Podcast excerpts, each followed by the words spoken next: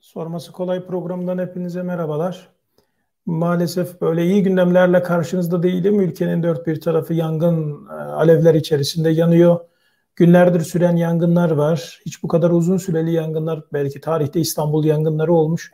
Onun haricinde bu kadar yaygın ve uzun süreli, geniş çevreye yayılmış bir yangınla karşılaşmış değil ülke. Kısa süreli yangınlarda söndürebilecek bir sistem varken aslında o sistemlerin kullanılmaması ülkenin yönetilemez hale gelmesinin bir belirtisi olarak karşımızda duruyor. Bu afetler tabii e, gerçekten üzücü ve can yakıcı.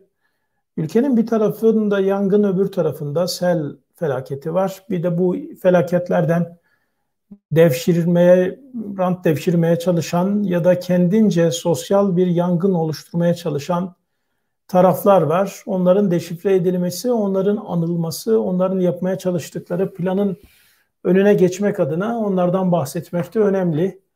Biraz bütün bu e, can yakıcı gündemler karşısında, içerisinde ben de karşınıza geldim. Soru cevap kısmını yapalım diye. Siz soracaksınız. Ben elimden geldiğince cevaplamaya çalışacağım. Bu programın formatı da zaten böyle. E, ilk sorudan başlayalım. Yangınlar gündem olunca sınırdan geçen Afganlar meselesi unutuldu. Sizce onlar bilerek mi getiriliyor?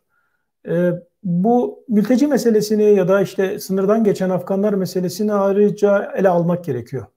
Özellikle mesela Afganistan'dan son zamanlarda yönetim değişiklikleriyle birlikte gelen Afganlar haricinde yıllardır 2-3 yıldan beridir İran'da tutulan Afganların da çok rahat bir şekilde Türkiye'ye geçmeleri, 2-3 yıldan sonra gelmeleri de ayrı bir anlam ifade ediyor. Bir de tabii İran'ın e, ya İran kullanmadan Türkiye'nin sınırlarına gelip geçmek kolay değil. İran'ın iki tarafı, iki taraflı sınırlarını bu kadar açık hale getirmesi ve Türkiye'nin gönüllü olarak bunu bu mülteci akınına kapıyı açması ne ifade ediyor?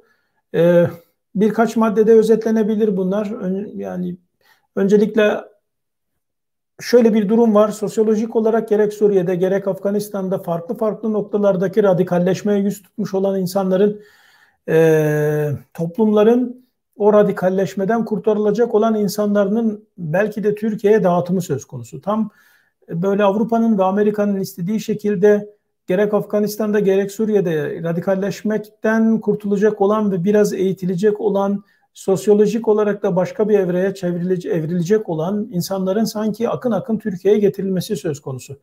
Demografik yapısı değiştiriliyor, başka bir aşamaya çalışılıyor. O başka bir komplo teorisi gibi duran bir durum. Onu uzun uzun konuşuruz.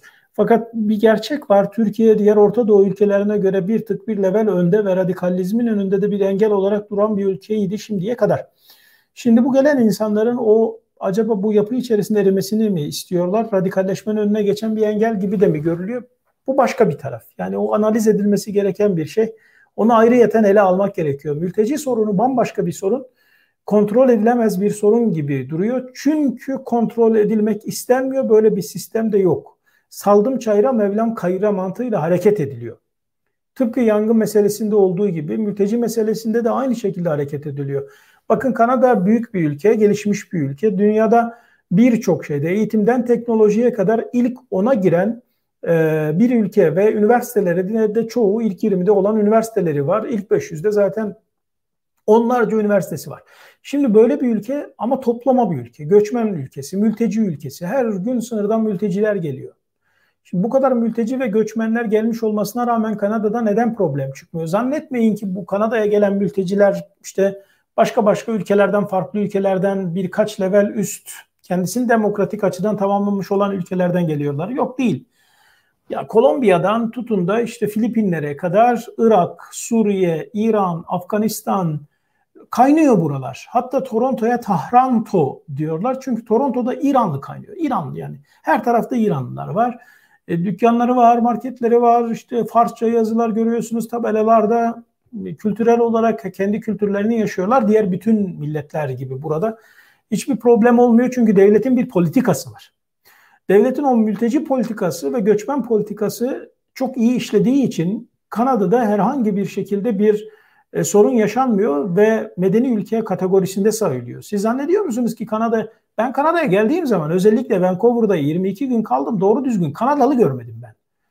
Çoğu uzak doğuluydu, Asyalıydı çoğu gördüklerim. Çekik gözlüler doluydu her tarafta. Burada da öyle, Toronto'da da öyle. Yani çok fazla öyle Kanadalı ile karşılaşma durumunuz yok. Ülkenin çok böyle e, kutuplara yakın taraflarına gittiğinizde ya da köylerine falan gittiğinizde yerlilerle, Kanadalılarla karşılaşıyorsunuz. Kanadalılar da yerlisi değil de hani Kızılderili diye tanımlanan bu buradaki yerliler asıl yerliler. Özetle bir göçmen dalgası. Burada zaten çok daha fazla göçmen ve mülteci var ama bir politikası var buranın, bir işleyişi var, bir devlet mantığı var. Türkiye'deki en temel problem bu. O devlet mantığını zorlayan unsurlar var. Siyasi sebepler var, sosyolojik sebepler var. Bunların hepsi uluslararası sebepleri var. Bunların hepsi ayrı ayrı ele alınabilir, konuşulabilir. Ama yangınlar bütün bu mülteci meselesinin üstünü örtmek için çıkarılmış derseniz bu bir komplo teorisine girer. Ee, Afganistan'dan gelen mültecileri ve Türkiye'deki mülteci meselesini belki ayrı ele alıp başka bir videoda başka bir şekilde e, şey yapabiliriz, konuşabiliriz detaylı bir şekilde. Yangınların perde arkasından mit olabilir mi? E, büyük bir skandala doğru gidiyor. Bu felaket bir skandal aynı zamanda çünkü söndürülemiyor. Aslında iş bilememezlikle ilgili bir durum söz konusu. Bunun arkasında ne MIT var, ne PKK var, ne başka bir organizasyon var, ne de başka bir şebeke var. 2019 senesinde çıkarılmış olan bir videoyu alıp işte ateşin çocukları diye işte kendilerine ne üdüğü belirsiz, kimin çocukları belli olmayan bir yapının, bir grubun, bir timin e, bir videosunu, 3-5 çocuğun videosunu yayınlayarak ateş şeyin arkasında bunlar var diyerek bir Kürt-Türk çatışması çıkaran insanlar gördük. Şimdi işte bu felaketi skandala ve sosyal bir yangına dönüştüren insanlar topluluğu var. E, böyle olunca da buradan çok şey çıkıyor. E, yangından sonra ortaya atılan komplo teorilerinden ötürü e, daha doğrusu şöyle söyleyeyim. Yangından sonra sosyal yangın çıkarmaya çalışanlardan ötürü çok fazla komplo teorisi ortaya çıkıyor. Asıl felaket de bu. Asıl felaket bunlara insanların inanmış olması. Yani Türkiye'de bu komplo teorilerinin tamamının neredeyse satın alan bir kitle var. Bugün mesela bu yayını yaparken böyle skandal bir başlık atsanız milyonlarca insan izleyebilir. Bu kadar alıcısı vardır bu ifadelerin, komplo teorilerinin. Maalesef Türkiye'nin acı gerçeği de budur. Biz çocukken ya da gençlik yıllarımızda kahvehane köşelerinde, sokaklarda konuşulan komplo teorilerinin bugün köşe yazılarının yazarlarının başlığı olması, bugün onların attığı tweetlerde olması ve o komplo teorileriyle yetişmiş olan aklın bugün sarayda olması ve o komplo teorileriyle milleti böyle uyutuyor olmaları Türkiye'nin en acı gerçeğidir ve en büyük yangınıdır ve maalesef söndürülemiyor. Uzun yıllardan beridir. Dolayısıyla da böyle bir komplo teorileri birbirini takip ederek devam ediyor. Sizce bu yangının arkasında kesin olarak PKK mı var yoksa kendiliğinden oluşan bir doğal afet mi? İşte buyurun. Aynı şekilde geri geliyoruz. Öyle bir şekilde yangın daha başlar başlamaz hiçbir açılmada herhangi bir yere yayılması söz konusu değilken böyle bir durumda öyle bir propaganda başlattılar ki bu komplo teorilerini Kürt-Türk çatışmasına bir iç savaşa yönlendirmeye çalıştılar. Ve Kürt düşmanlığı oluşturdular olay terör meselesi falan da değil. Yani tamamen doğrudan Kürt düşmanlığı meselesine çevirdiler. Kimler yaptı bunları? Dikkat edin. Yani uzun zamandan beridir devletin farklı koridorlarıyla, klikleriyle arası iyi olan ve uzun süre kendine milli mücadeleciler diyen, sonra başka başka renklere bürünen, sonra para pul işlerine bulaşan ve milyarlarca dolar yolsuzluk yapan Melih Gökçek bir taraftan zaten Avrasyacı ekolün eski artıklarından kalan kendi e, yapısı tarafından bile sözcülüğü artık kabul edilmeyen, kenara itilmiş ve saray bahçesine bırakılmış bir Perinçek. Diğer taraftan özel hayatı kendisini bağlar fakat uçkurundan yakalanmış olduğu için birileri tarafından uçkurundan yakalanan insanlar nerede ne zaman nasıl bağırtılması gerekiyorsa o zaman sıkılıyor uçkurları ve bağıran Cübbeli Ahmet. Şimdi zaten yangın çıkar çıkmaz ben biraz böyle bu insanların atmış olduğu tweetlerin ve sistematik olarak işleyişlerine bakınca işin içerisinde bunların oyunu olduğunu çok net anlıyorum. Yani görüyorsunuz ki ortada bir yangın var ve bu yangından bu üç birbirine benzemez ama aslında aynı ve benzer olan bu insanların sosyal yangın çıkarma çabalarından anlıyorsunuz ki evet bu yangının arkasında perde arkasında bir şey var ama yangını tetikleyen mekanizma mı bu? Tetiklenmiş olan yangını kullanan mekanizma mı bu? bence tetiklenmiş olan zaten var olan yangından sosyal yangın çıkarmaya çalışan bir mekanizma bu. Bunlar planlı kaos yaratıcılar. Buna bir de zaten Yeni Şafak'ın genel yayın yönetmeniyken yine uçkur meselesinden, parapul meselesinden, başka başka zaaflarından ötürü kenara bırakılan, kafası başka başka delice komplolarla üret böyle zihni başka çalışan İbrahim Karagül diye bir adam var. Şimdi bu dördünü altlı üstü topladığınızda karşınıza muazzam bir kom şey çıkıyor. Muazzam bir kaos yaratma çabası da olan insanlar çıkıyor karşınıza. E, bunlar bu dört isimle sınırlı kalsa anlarsınız olayı. Sonra bakıyorsunuz ki sosyal medyada sistematik olarak fake hesaplar açılmış ve bu fake hesaplar üzerinden ısrarla bunu e, besleyen, devam eden şeyler var. E, paylaşımlar var. Yani sosyal yangın çıkarma çabaları var. Anlıyorsunuz ki bu organize bir şey. Ve bunun önüne engel olmaya çalıştığınızda ve bunu ilan ettiğinizde mesela ben direkt söylemiştim Cübbeli Ahmet, Doğu Perinçek, Melih Gökçek bunlar dikkat edin bu isimlere bunlar sosyal yangın çıkarma çabasında olan insanlar ve bunlar belli ki bir yerlerden talimat aldılar ve birlikte hareket ediyorlar. Bunu söylediğiniz zaman da yine bir komplo teorisiyle bunlar ortalığa çıkıp tuhaf bir şekilde işte yangını yönlendiren medya ayağının bilmem nesi diye beni lanse ediyorlar. İşte Siyonizmle çalışan bilmem ne. He Siyonistlerle çalışıyorum. Akşama kadar lahmacun ayran satıyorum Siyonistlere. E, tuhaf tuhaf. Hani komplo teorisi seviyoruz diyorum ya yani millet olarak. İşte böyle yalanlarla, algılarla bir şey yapmaya çalışıyorlar ama belli ki bu algıları tutmadı. Tutmayınca kuduruyorlar. Kudurma noktaları da böyle oluyor zaten. Ben anladım ki iyi bir noktaya temas etmişim. Yani tam ortadan 90'dan vurmuş olmalıyım ki bunları bunlar bu kadar kudurdular. Hepsi birden zıplamaya başladı. Sajdaki ayı gibi zıplıyorlar. Çünkü istediklerini elde edemediler. Anladığım kadarıyla da o istediklerini elde edememenin, o tahrik edememenin acısı içlerine oturmuş durumda. Bu büyük bir tehlikeyi işaret ediyor aynı zamanda. Bugün istediklerini elde edemeyen bu insanların yarın nasıl faşizan bir yöntemle ve başka provokasyonlarla karşımıza çıkacağını da bilemiyoruz. Gerçi o günde yine bunların bu provokatif eylemlerini takip edip sistemli olarak ne yapmaya çalıştıklarını size anlatmaya çalışacağım, yazıp edeceğim.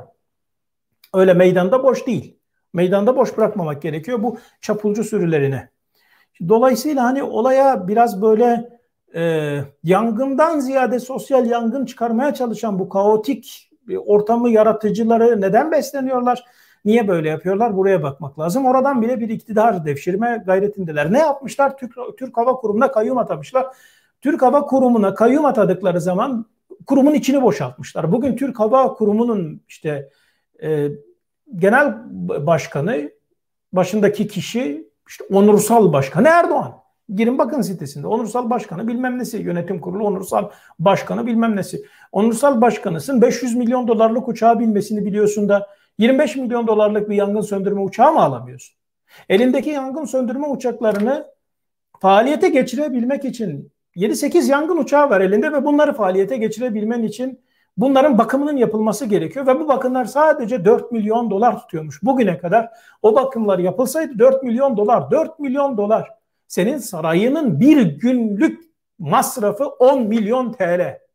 10 milyon TL. Bunu ben demiyorum ki. Bunu Sayıştay söylüyor. Sayıştay diyor ki sarayın bir günlük maliyeti gideri 10 milyon TL. Şimdi 10 milyon TL yani bir haftalık sarayın bir haftalık gideriyle 4 milyon dolar eşit değere geliyor ve o 4 milyon sarayın bir haftalık gideriyle Türk Hava Kurumu'nun yangın söndürme uçaklarının tamamının e, bakımı onarımı yapılabilirdi. Yapılmıyor bunlar. Peki ne yapılmış? Peşkeş çekilmiş. Nasıl peşkeş çekilmiş? İki yönlü peşkeş çekilmiş. Gitmişler yangın söndürme işini özel şirketlere vermişler. Onlar da helikopterlerle yapıyorlar. O işi de özel şirketlere vermişler. Türk Hava Kurumu'nda içini tamamen boşaltmışlar. Niye yapıyorlar bunu? Türk Hava Kurumu'nun 3-5 tane uçağından ötürü mü yapıyorlar? Hayır. Türk Hava Kurumu'nun yaklaşık 1200 tane devasa gayrimenkulü var. Türk Hava Kurumu devletin kurumu. Bu gayrimenkullere çökmeleri lazım bu sırtlanların. Bunun için de Türk Hava Kurumu'nun içinin boşaltılması lazım. Kayyum atıyorlar oraya. Çıkıyor adam diyor ki bu bakımlar uçakların bakımını yapmak benim görevim değil kurumun görevi diyor. Ne demek istiyor biliyor musunuz? Ben burada kayyımım. Sadece maaşım için atandım buraya. Benim hiçbir etkim yetkim yok. Bu kurum sarayın kurumu diyor. Onların yapması gerekiyor diyor. Hani bir devletin büyüklüğü böyle hamasi nutuklar atmakla, festivallerde uçaklar kaldırmakla, dizi filmler yapmakla, filmler çevirmekle bir devletin büyüklüğü ortaya çıkmaz. İtibar böyle belli olmaz. Bir devletin büyüklüğü, bir devletin e, gücü doğal afetler karşısında vermiş olduğu yerinde tepkilerle ölçülür. Ya bunu ben öylesine söylemiyorum. Bunu bir analiz olarak da söylemiyorum. Birbirini yoklayan, birbirine elense çeken devletler birbirlerinin gücünü kontrol etmek için buna bakarlar. Mesela bir felaket anında bir devlet ordusuyla, hükümetiyle, iktidarıyla, kurumlarıyla o felakete nasıl tepki verebiliyor? Anında tepki verebiliyor mu? Lojistik gücü nedir? Bütün bunların hepsinin hesabını kitabını karşı devletler tutarlar ve bakarlar. Ve buna göre bunun ne kadar güçlü ya da güçsüz olduğu ortaya çıkar. Sovyetler Birliği'nin çok kolay dağılmasının nedenlerinden bir tanesi de Kırgızistan ya da Kazakistan tam bilmiyorum. Oradaki depreme, depreme Sovyet ordusunun ve hükümetinin yerinde müdahale edilmediğinin tespit edilmesidir. Sonra bakıyorlar ki kağıttan bir kaplan bu. Tabii ki farklı sosyolojik gerekçeleri, farklı siyasal ekonomik gerekçeleri var Sovyetler Birliği'nde almasında. Ama bu önemli bir işarettir. Bugün Türkiye'de bu yangına, bu doğal afetlere böyle müdahale edilememesinin nedeni, daha doğrusu edilememesi gösteriyor ki Türkiye'nin devlet olarak, yönetim birimi olarak içi çökertilmiş. Asıl büyük felaket de budur. Yani ülkenin sadece bir tarafının yanıyor olmasına ben acımıyorum ki. İçimin acıma te, acımasının tek nedeni bu değil ki. İçini boşaltmış oldukları bir yönetim anlayışının kafaları dar, zihinleri sığ ve ne yapmaya çalıştığı belli olmayan bir çakal sürüsünün, bir sırtlan sürüsünün ülkenin başında bir hakimiyet kurarak ülkenin içerisindeki bütün o insanların da kafasını ellerindeki medya ile ihfal ederek bu hale getirmeleri karşısında üzüntü duyuyorum ben. İnsanın içi bunlara acıyor. E şimdi böyle olunca bir taraftan hala buradan bile nemalanmaya çalışan insanlar var. Bir iktidar var. Hangi ara siz yaptınız o TOKİ'nin evlerini orada? Hangi ara bu projeleri hazırladınız? Hangi ara insanlara bu TOKİ'nin parasını gidip işte 20 yıllık sizi kredi borcuyla size ev yapacağız demeye başladınız evi yanan bu insanlara? Gidip çay atıyor bir de insanların kafasına. Sel oluyor gidip çay atıyor. Yangın oluyor gidip çay atıyor. Deprem oluyor gidiyor çay atıyor. Bu nasıl bir dünyadır? Bu nasıl bir ülkedir? Bu nasıl bir haldir? Bu nasıl bir konjöktördür? Ve bu nasıl bir uyanmama halidir? Hala ne zamana kadar bu adamın arkasından gidilecek? Bir sürü felaket yağıyor üzerlerine. Bir sürü. Oluk oluk felaketler geliyor. Şimdi devlet olmadığınız zaman, vasfınızı yitirdiğiniz zaman bu felaketleri kim çıkarmış? Doğal afet değil mi bunlar? Birileri mi sebep oldu? Mevzu o değil ki. Mevzu doğal afet ya da birileri tetikledi ya da lanet olası birileri girdi araya bilmem ne oldu. Sen buna karşı nasıl önlem alabiliyorsun? Devleti nasıl yönetiyorsun? Bu yönetim biçimin bu afetler karşısında nasıl bir tedbir alabiliyor ve bunların önüne nasıl engel olabiliyor? O zavallı halka neler yapabiliyor? Anında müdahale edebiliyor mu? Bununla ölçülür. Çıkıp bakanlarınız dalga geçiyor insanlarla bu görev belediye başkanlarının görevi de ormanların yanılmasına müsaade ettik göz yumduk. Yerleşim yerlerine gelince orman bakanlığı müdahale eder diyebilecek kadar da insanlarla alay edebiliyorsunuz. Medyanız var medyanız dünya dünya Türkiye'nin başarısını izliyor diye ya her tarafta alevler yanıyor. Ben dünya medyasını takip ediyorum uluslararası bütün medyayı. Her tarafta alevler var. Canlar gidiyor. Utanmadan, sıkılmadan ilk gün çıkıp gidip çıkıp can e, gitmedi diye bile açıklama yaptılar bunlar yahu.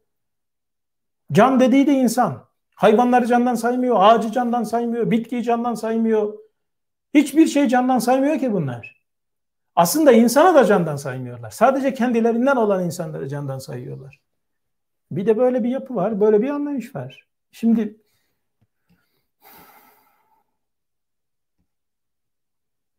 Ya ne diyeceğimi bilemiyorum. Hakikaten ne diyeceğimi bilemiyorum. Üzgünüm. Hak, ya ülkem adına üzgünüm ya.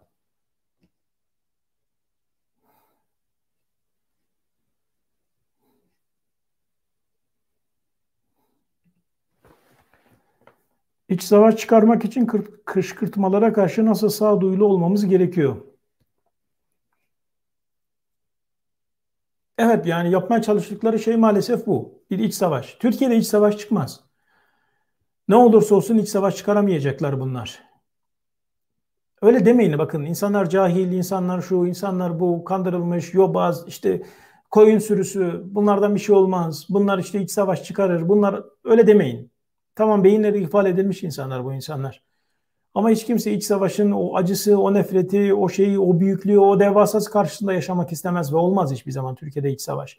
Evet çıkarmak istiyorlar. Evet kısa süreli çatışmalar çıkabilir. Ama olabildiğince uyanık olmak gerekiyor. Belki sosyal medyanın çok daha aktif kullanılması gerekiyor. Belki iktidarın o e, ayak oyunlarına çok aldanmamak gerekiyor. Belki herkesin gönüllü olarak bir yerlerde birilerine bunların bir oyun olduğunu, bir provokasyon olduğunu kulaktan kulağa yayması gerekiyor. Muhalefette çok büyük iş düşüyor böyle bir durumda. Ve bence muhalefet nispeten de olsa e, bu iç savaşın önünde bir engel olarak duruyor nispeten. Mesela Kılıçdaroğlu'nun Konya'daki katliamla ilgili açıklamaları açıklamaları önemliydi. Kendisini derin devletin işte artığı olarak gören insanların, kendini derin devlet yerine koyan insanların yapmaya çalıştıkları bütün bunca şeyin karşısında uyanık olmamız gerektiğini söylemişti, vurgulamıştı. Haklıydı. Ve önemli bir noktaya temas etmişti. Devlet içinde önemli klikler var, birbiriyle çatışan gruplar var ve iktidarını korumak için iç savaş da isteyen, ülkeyi de ateşe verecek olan bir iktidar var. Böyle bir durum var. Olabildiğine sabırlı, olabildiğine ümitli, olabildiğine mücadeleci, olabildiğine okuyan ve etrafımıza anlatan insanlar olmaktan başka bize de düşen bir şey kalmıyor.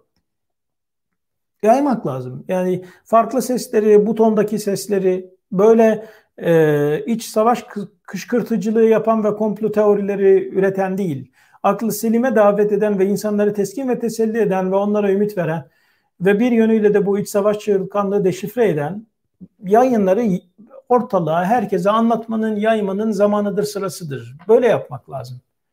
Bırakın ya kimlikleri, kişilikleri, ideolojileri bir kenara bırakın artık. Gerçekten yeter. Gerçekten bakın yeter bırakın. Öyle bir yangın görüyorsunuz düştüğü zaman onu bunu seni beni dinlemiyor, yakıyor, götürüyor. Sosyal bir yangın çıktığı zaman da öyle olur. Zannediyor musunuz ki bu AKP'lileri sarmaz, diğer yerleri MHP'lileri sarmaz? Öyle bir şey değil ki bu iç savaş. Herkesi mahvedecek bir şeydir bu. Öyle önünüze gelene vatan haini falan diyerek bu işin içerisinden sıyrılamazsınız. Kurtulamazsınız. Olabildiğince kimliksiz, ideolojisiz, birilerine baktığınız zaman nefretle, öfkeyle, iftirayla, bakmamaya, yaftalamayla bakmamaya çalışıp insanlar ne anlatıyor, ne ediyor kulak verip ve bunu da yaymanın zamanıdır. Bunu yapmak lazım.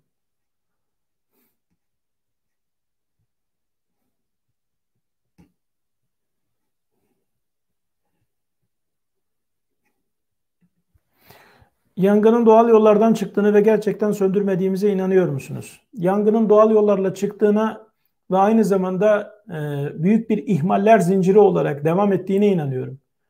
Gerçekten söndürmemek diye bir şeyden bahsetmedim Mustafa Altıntaş. Önceki ihmallerden bahsediyorum. Türk Hava Kurumu'nun içinin boşaltılmasından bahsediyorum. Yangın söndürme uçakları neden yok bundan bahsediyorum. Neden zamanında müdahale edilmedi bundan bahsediyorum. Neden zamanında kiralanmadı uçaklar bundan bahsediyorum. Bunu anlamayacak ne var? Cumhurbaşkanı kendisi çıkıp demedi mi? Yalan bizim bu uçaklarımızın bakımını yapılmadı. Bizim uçağımız yok demedi mi? Niye yok? Sorsana niye yok diye. Neden yok uçak? Sarayın 13 tane uçağı var. Filosu var. Milyonlarca dolar para harcanıyor. Bunları sorsana.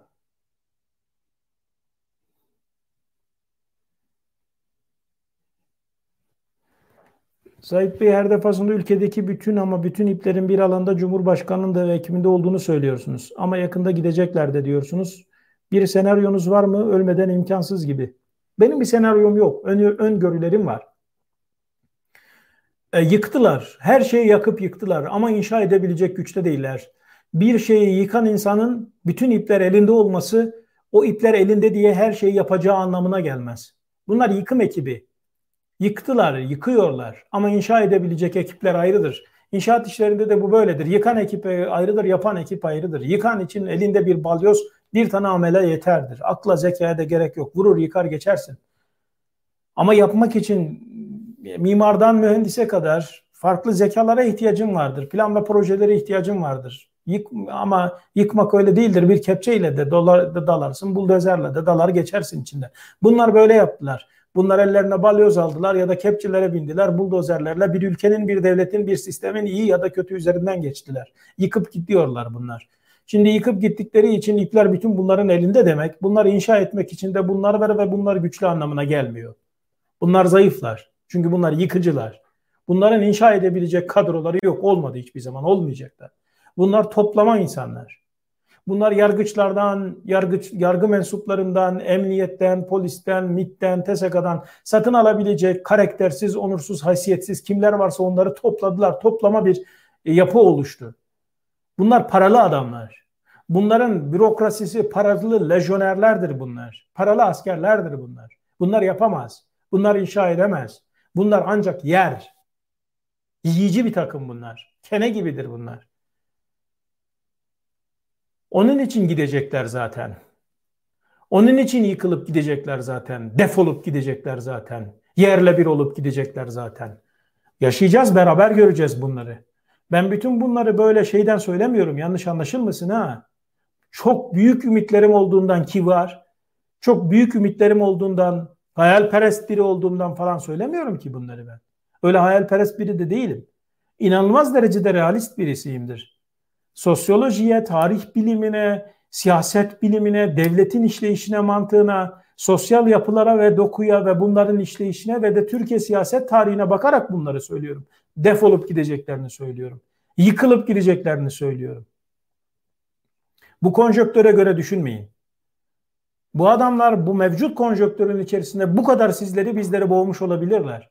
İnsanların ümitlerini emiyor olabilirler. Ama bu konjöktöre göre düşünmeyin. Bu konjöktör içerisinde böyle bize algılatmalarına da müsaade etmeyin. Bu değiştiği an bu konjöktörün tamamı da değişecek. O değişim de bambaşka bir noktaya evrilecek. Ben yıllardır aynı şeyi söylüyorum. Bu ülkenin dize, düze çıkmasının bir nedeni, bir, bir, bir tek şey var. O da dibe vuracak öyle düze çıkacak. Şimdi o oluyor. Dibe vuracak, dibe vuruyor, dibe gidiyor. Öyle düze çıkacak. Temelden yıkılacaktı, yıkılıyor. Ve yıkan bunlar. Bir daha da asla hiçbir şekilde bu zihniyet Türkiye'nin başına bela olmayacak şekilde yıkıyorlar. Rezil ola ola yapıyorlar bütün bunları. Bitmişler. Görüyorsunuz işte. Oturuyor canlı yayında üç kelime bir araya getiremiyor. Dili damağı birbirine karışmış. Uyuyor kalıyor. Gidiyor çay atıyor.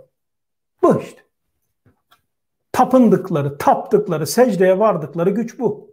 O da gidiyor ellerinden. Satın aldıkları adamlar, köleler bunları görüyor şimdi. O bürokratik köleler bunların farkına varıyor. O yüzden klikler birbirinin içerisinde birbirlerinin ayaklarına basmaya başladılar. Onun için böyle oluyor. Nasıl giderler ve neler olur? Öngörüm nedir? Onu bir sonraki programda ya da başka bir ara anlatırım. Ama uzun zamandır anlatıyorum zaten.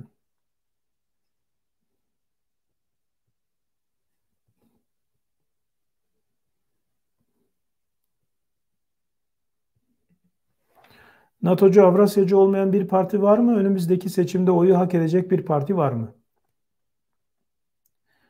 Bu NATO'cu, Avrasyacı kesimler diğer bütün partilere dağılmış vaziyetteydiler. Kemal Kılıçdaroğlu ve Meral Akşener önemli iki adım attı. Meral Akşener İyi Parti'yi kurarken Avrasyacılar bunun etrafını sardılar. Fakat zaman içerisinde Meral Akşener bir şekilde bunlardan kurtulmayı başardı.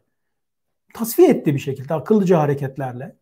Onlara çok meydan vermedi eskiden beri CHP içerisinde yerleşmiş olanların da bir ikisi hariç neredeyse hepsini Kemal Kılıçdaroğlu temizledi. Bazı NATO artı, artı olanlar var başka partilerde. Ve bence şu anda bütün bunların hiçbirinin hükmü yok. NATO'cusunun, Avrasyacının hiç, hiçbir hükmü yok. Daha önce de size söylemiş olduğum gibi bütün bunların hepsini posasını çıkarmış olan bir Erdoğan var. Ve Erdoğan'ın iktidarı da devrilecek. Dolayısıyla o konjöktörün oluşması için bir frenleme mekanizmasının devreye girip bir hat kırılması yaşanması için oraydan Türkiye'nin sahili selamete çıkması için bir ray kırılması gerekiyor. Bir bir hattın bir fay kırılması gerekiyor. Bütün bunlar için evet diğer bütün partilerin tamamına oy verilebilir. Sonraki durum sonraki mesele. Sonra konuşulur. Sonra konjöktür değişir zaten. Sonra yeni partiler oluşur. Yeni kadrolar çıkar. Yeni insanlar çıkar. Yeni ekipler çıkar. Yepyeni bir oluşuma gider insanlar. Bunların hepsi olur. Emin olabilirsiniz bundan teşbihte hata olmasın. Bu söylediğim de yanlış anlaşılmasın. Bazen bir sürüyü bir yere yönlendirmek için sadece bir çoban köpeğinin değişmesi yetiyor. Bütün sürüyü değiştirmeye gerek yok. Teşbihte hata olmasın. Bu dediğim yanlış anlaşılmasın, başka bir noktaya çekilmesin. Ama bazen de böyle düşünmek gerekiyor topluma baktığımız zaman. Bilmem anlatabiliyor muyum? Bunlar çok akıllı insanlar, çok böyle kafaları farklı çalışan insanlar, yapıcı insanlar, yıkan değil de inşa eden ekipler olsaydı Erdoğan ve çevresi o zaman korkardım ben işte. Bunlar 100 yıl kalırlar diye. Ama öyle değiller.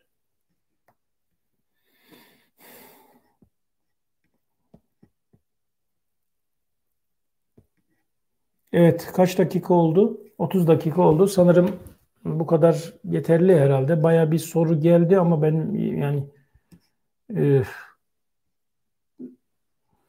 30 dakikadan fazla zaten yaptığımız video yayınlar izlenmiyor. Hatta 30 dakika yapıyoruz onu bile 10 dakika 10 dakika bölün diyenler oluyor. Neyse herhalde haftada 30 dakikada yeterli. E, bütün bu böyle bu felaketler arasında yani Twitter'dan oradan buradan gündem takip eden bir insan olarak ee, çıkıp konuşmak zor. Çünkü gerçekten içim yanıyor yani. İki şey içim yanıyor. Dediğim gibi bir, ülkenin her tarafında bu o acı manzarayı görmek. İki, o acı manzara karşısında bu yönetimin ve devletin bitmiş olduğunu görmek. Bu üzüyor.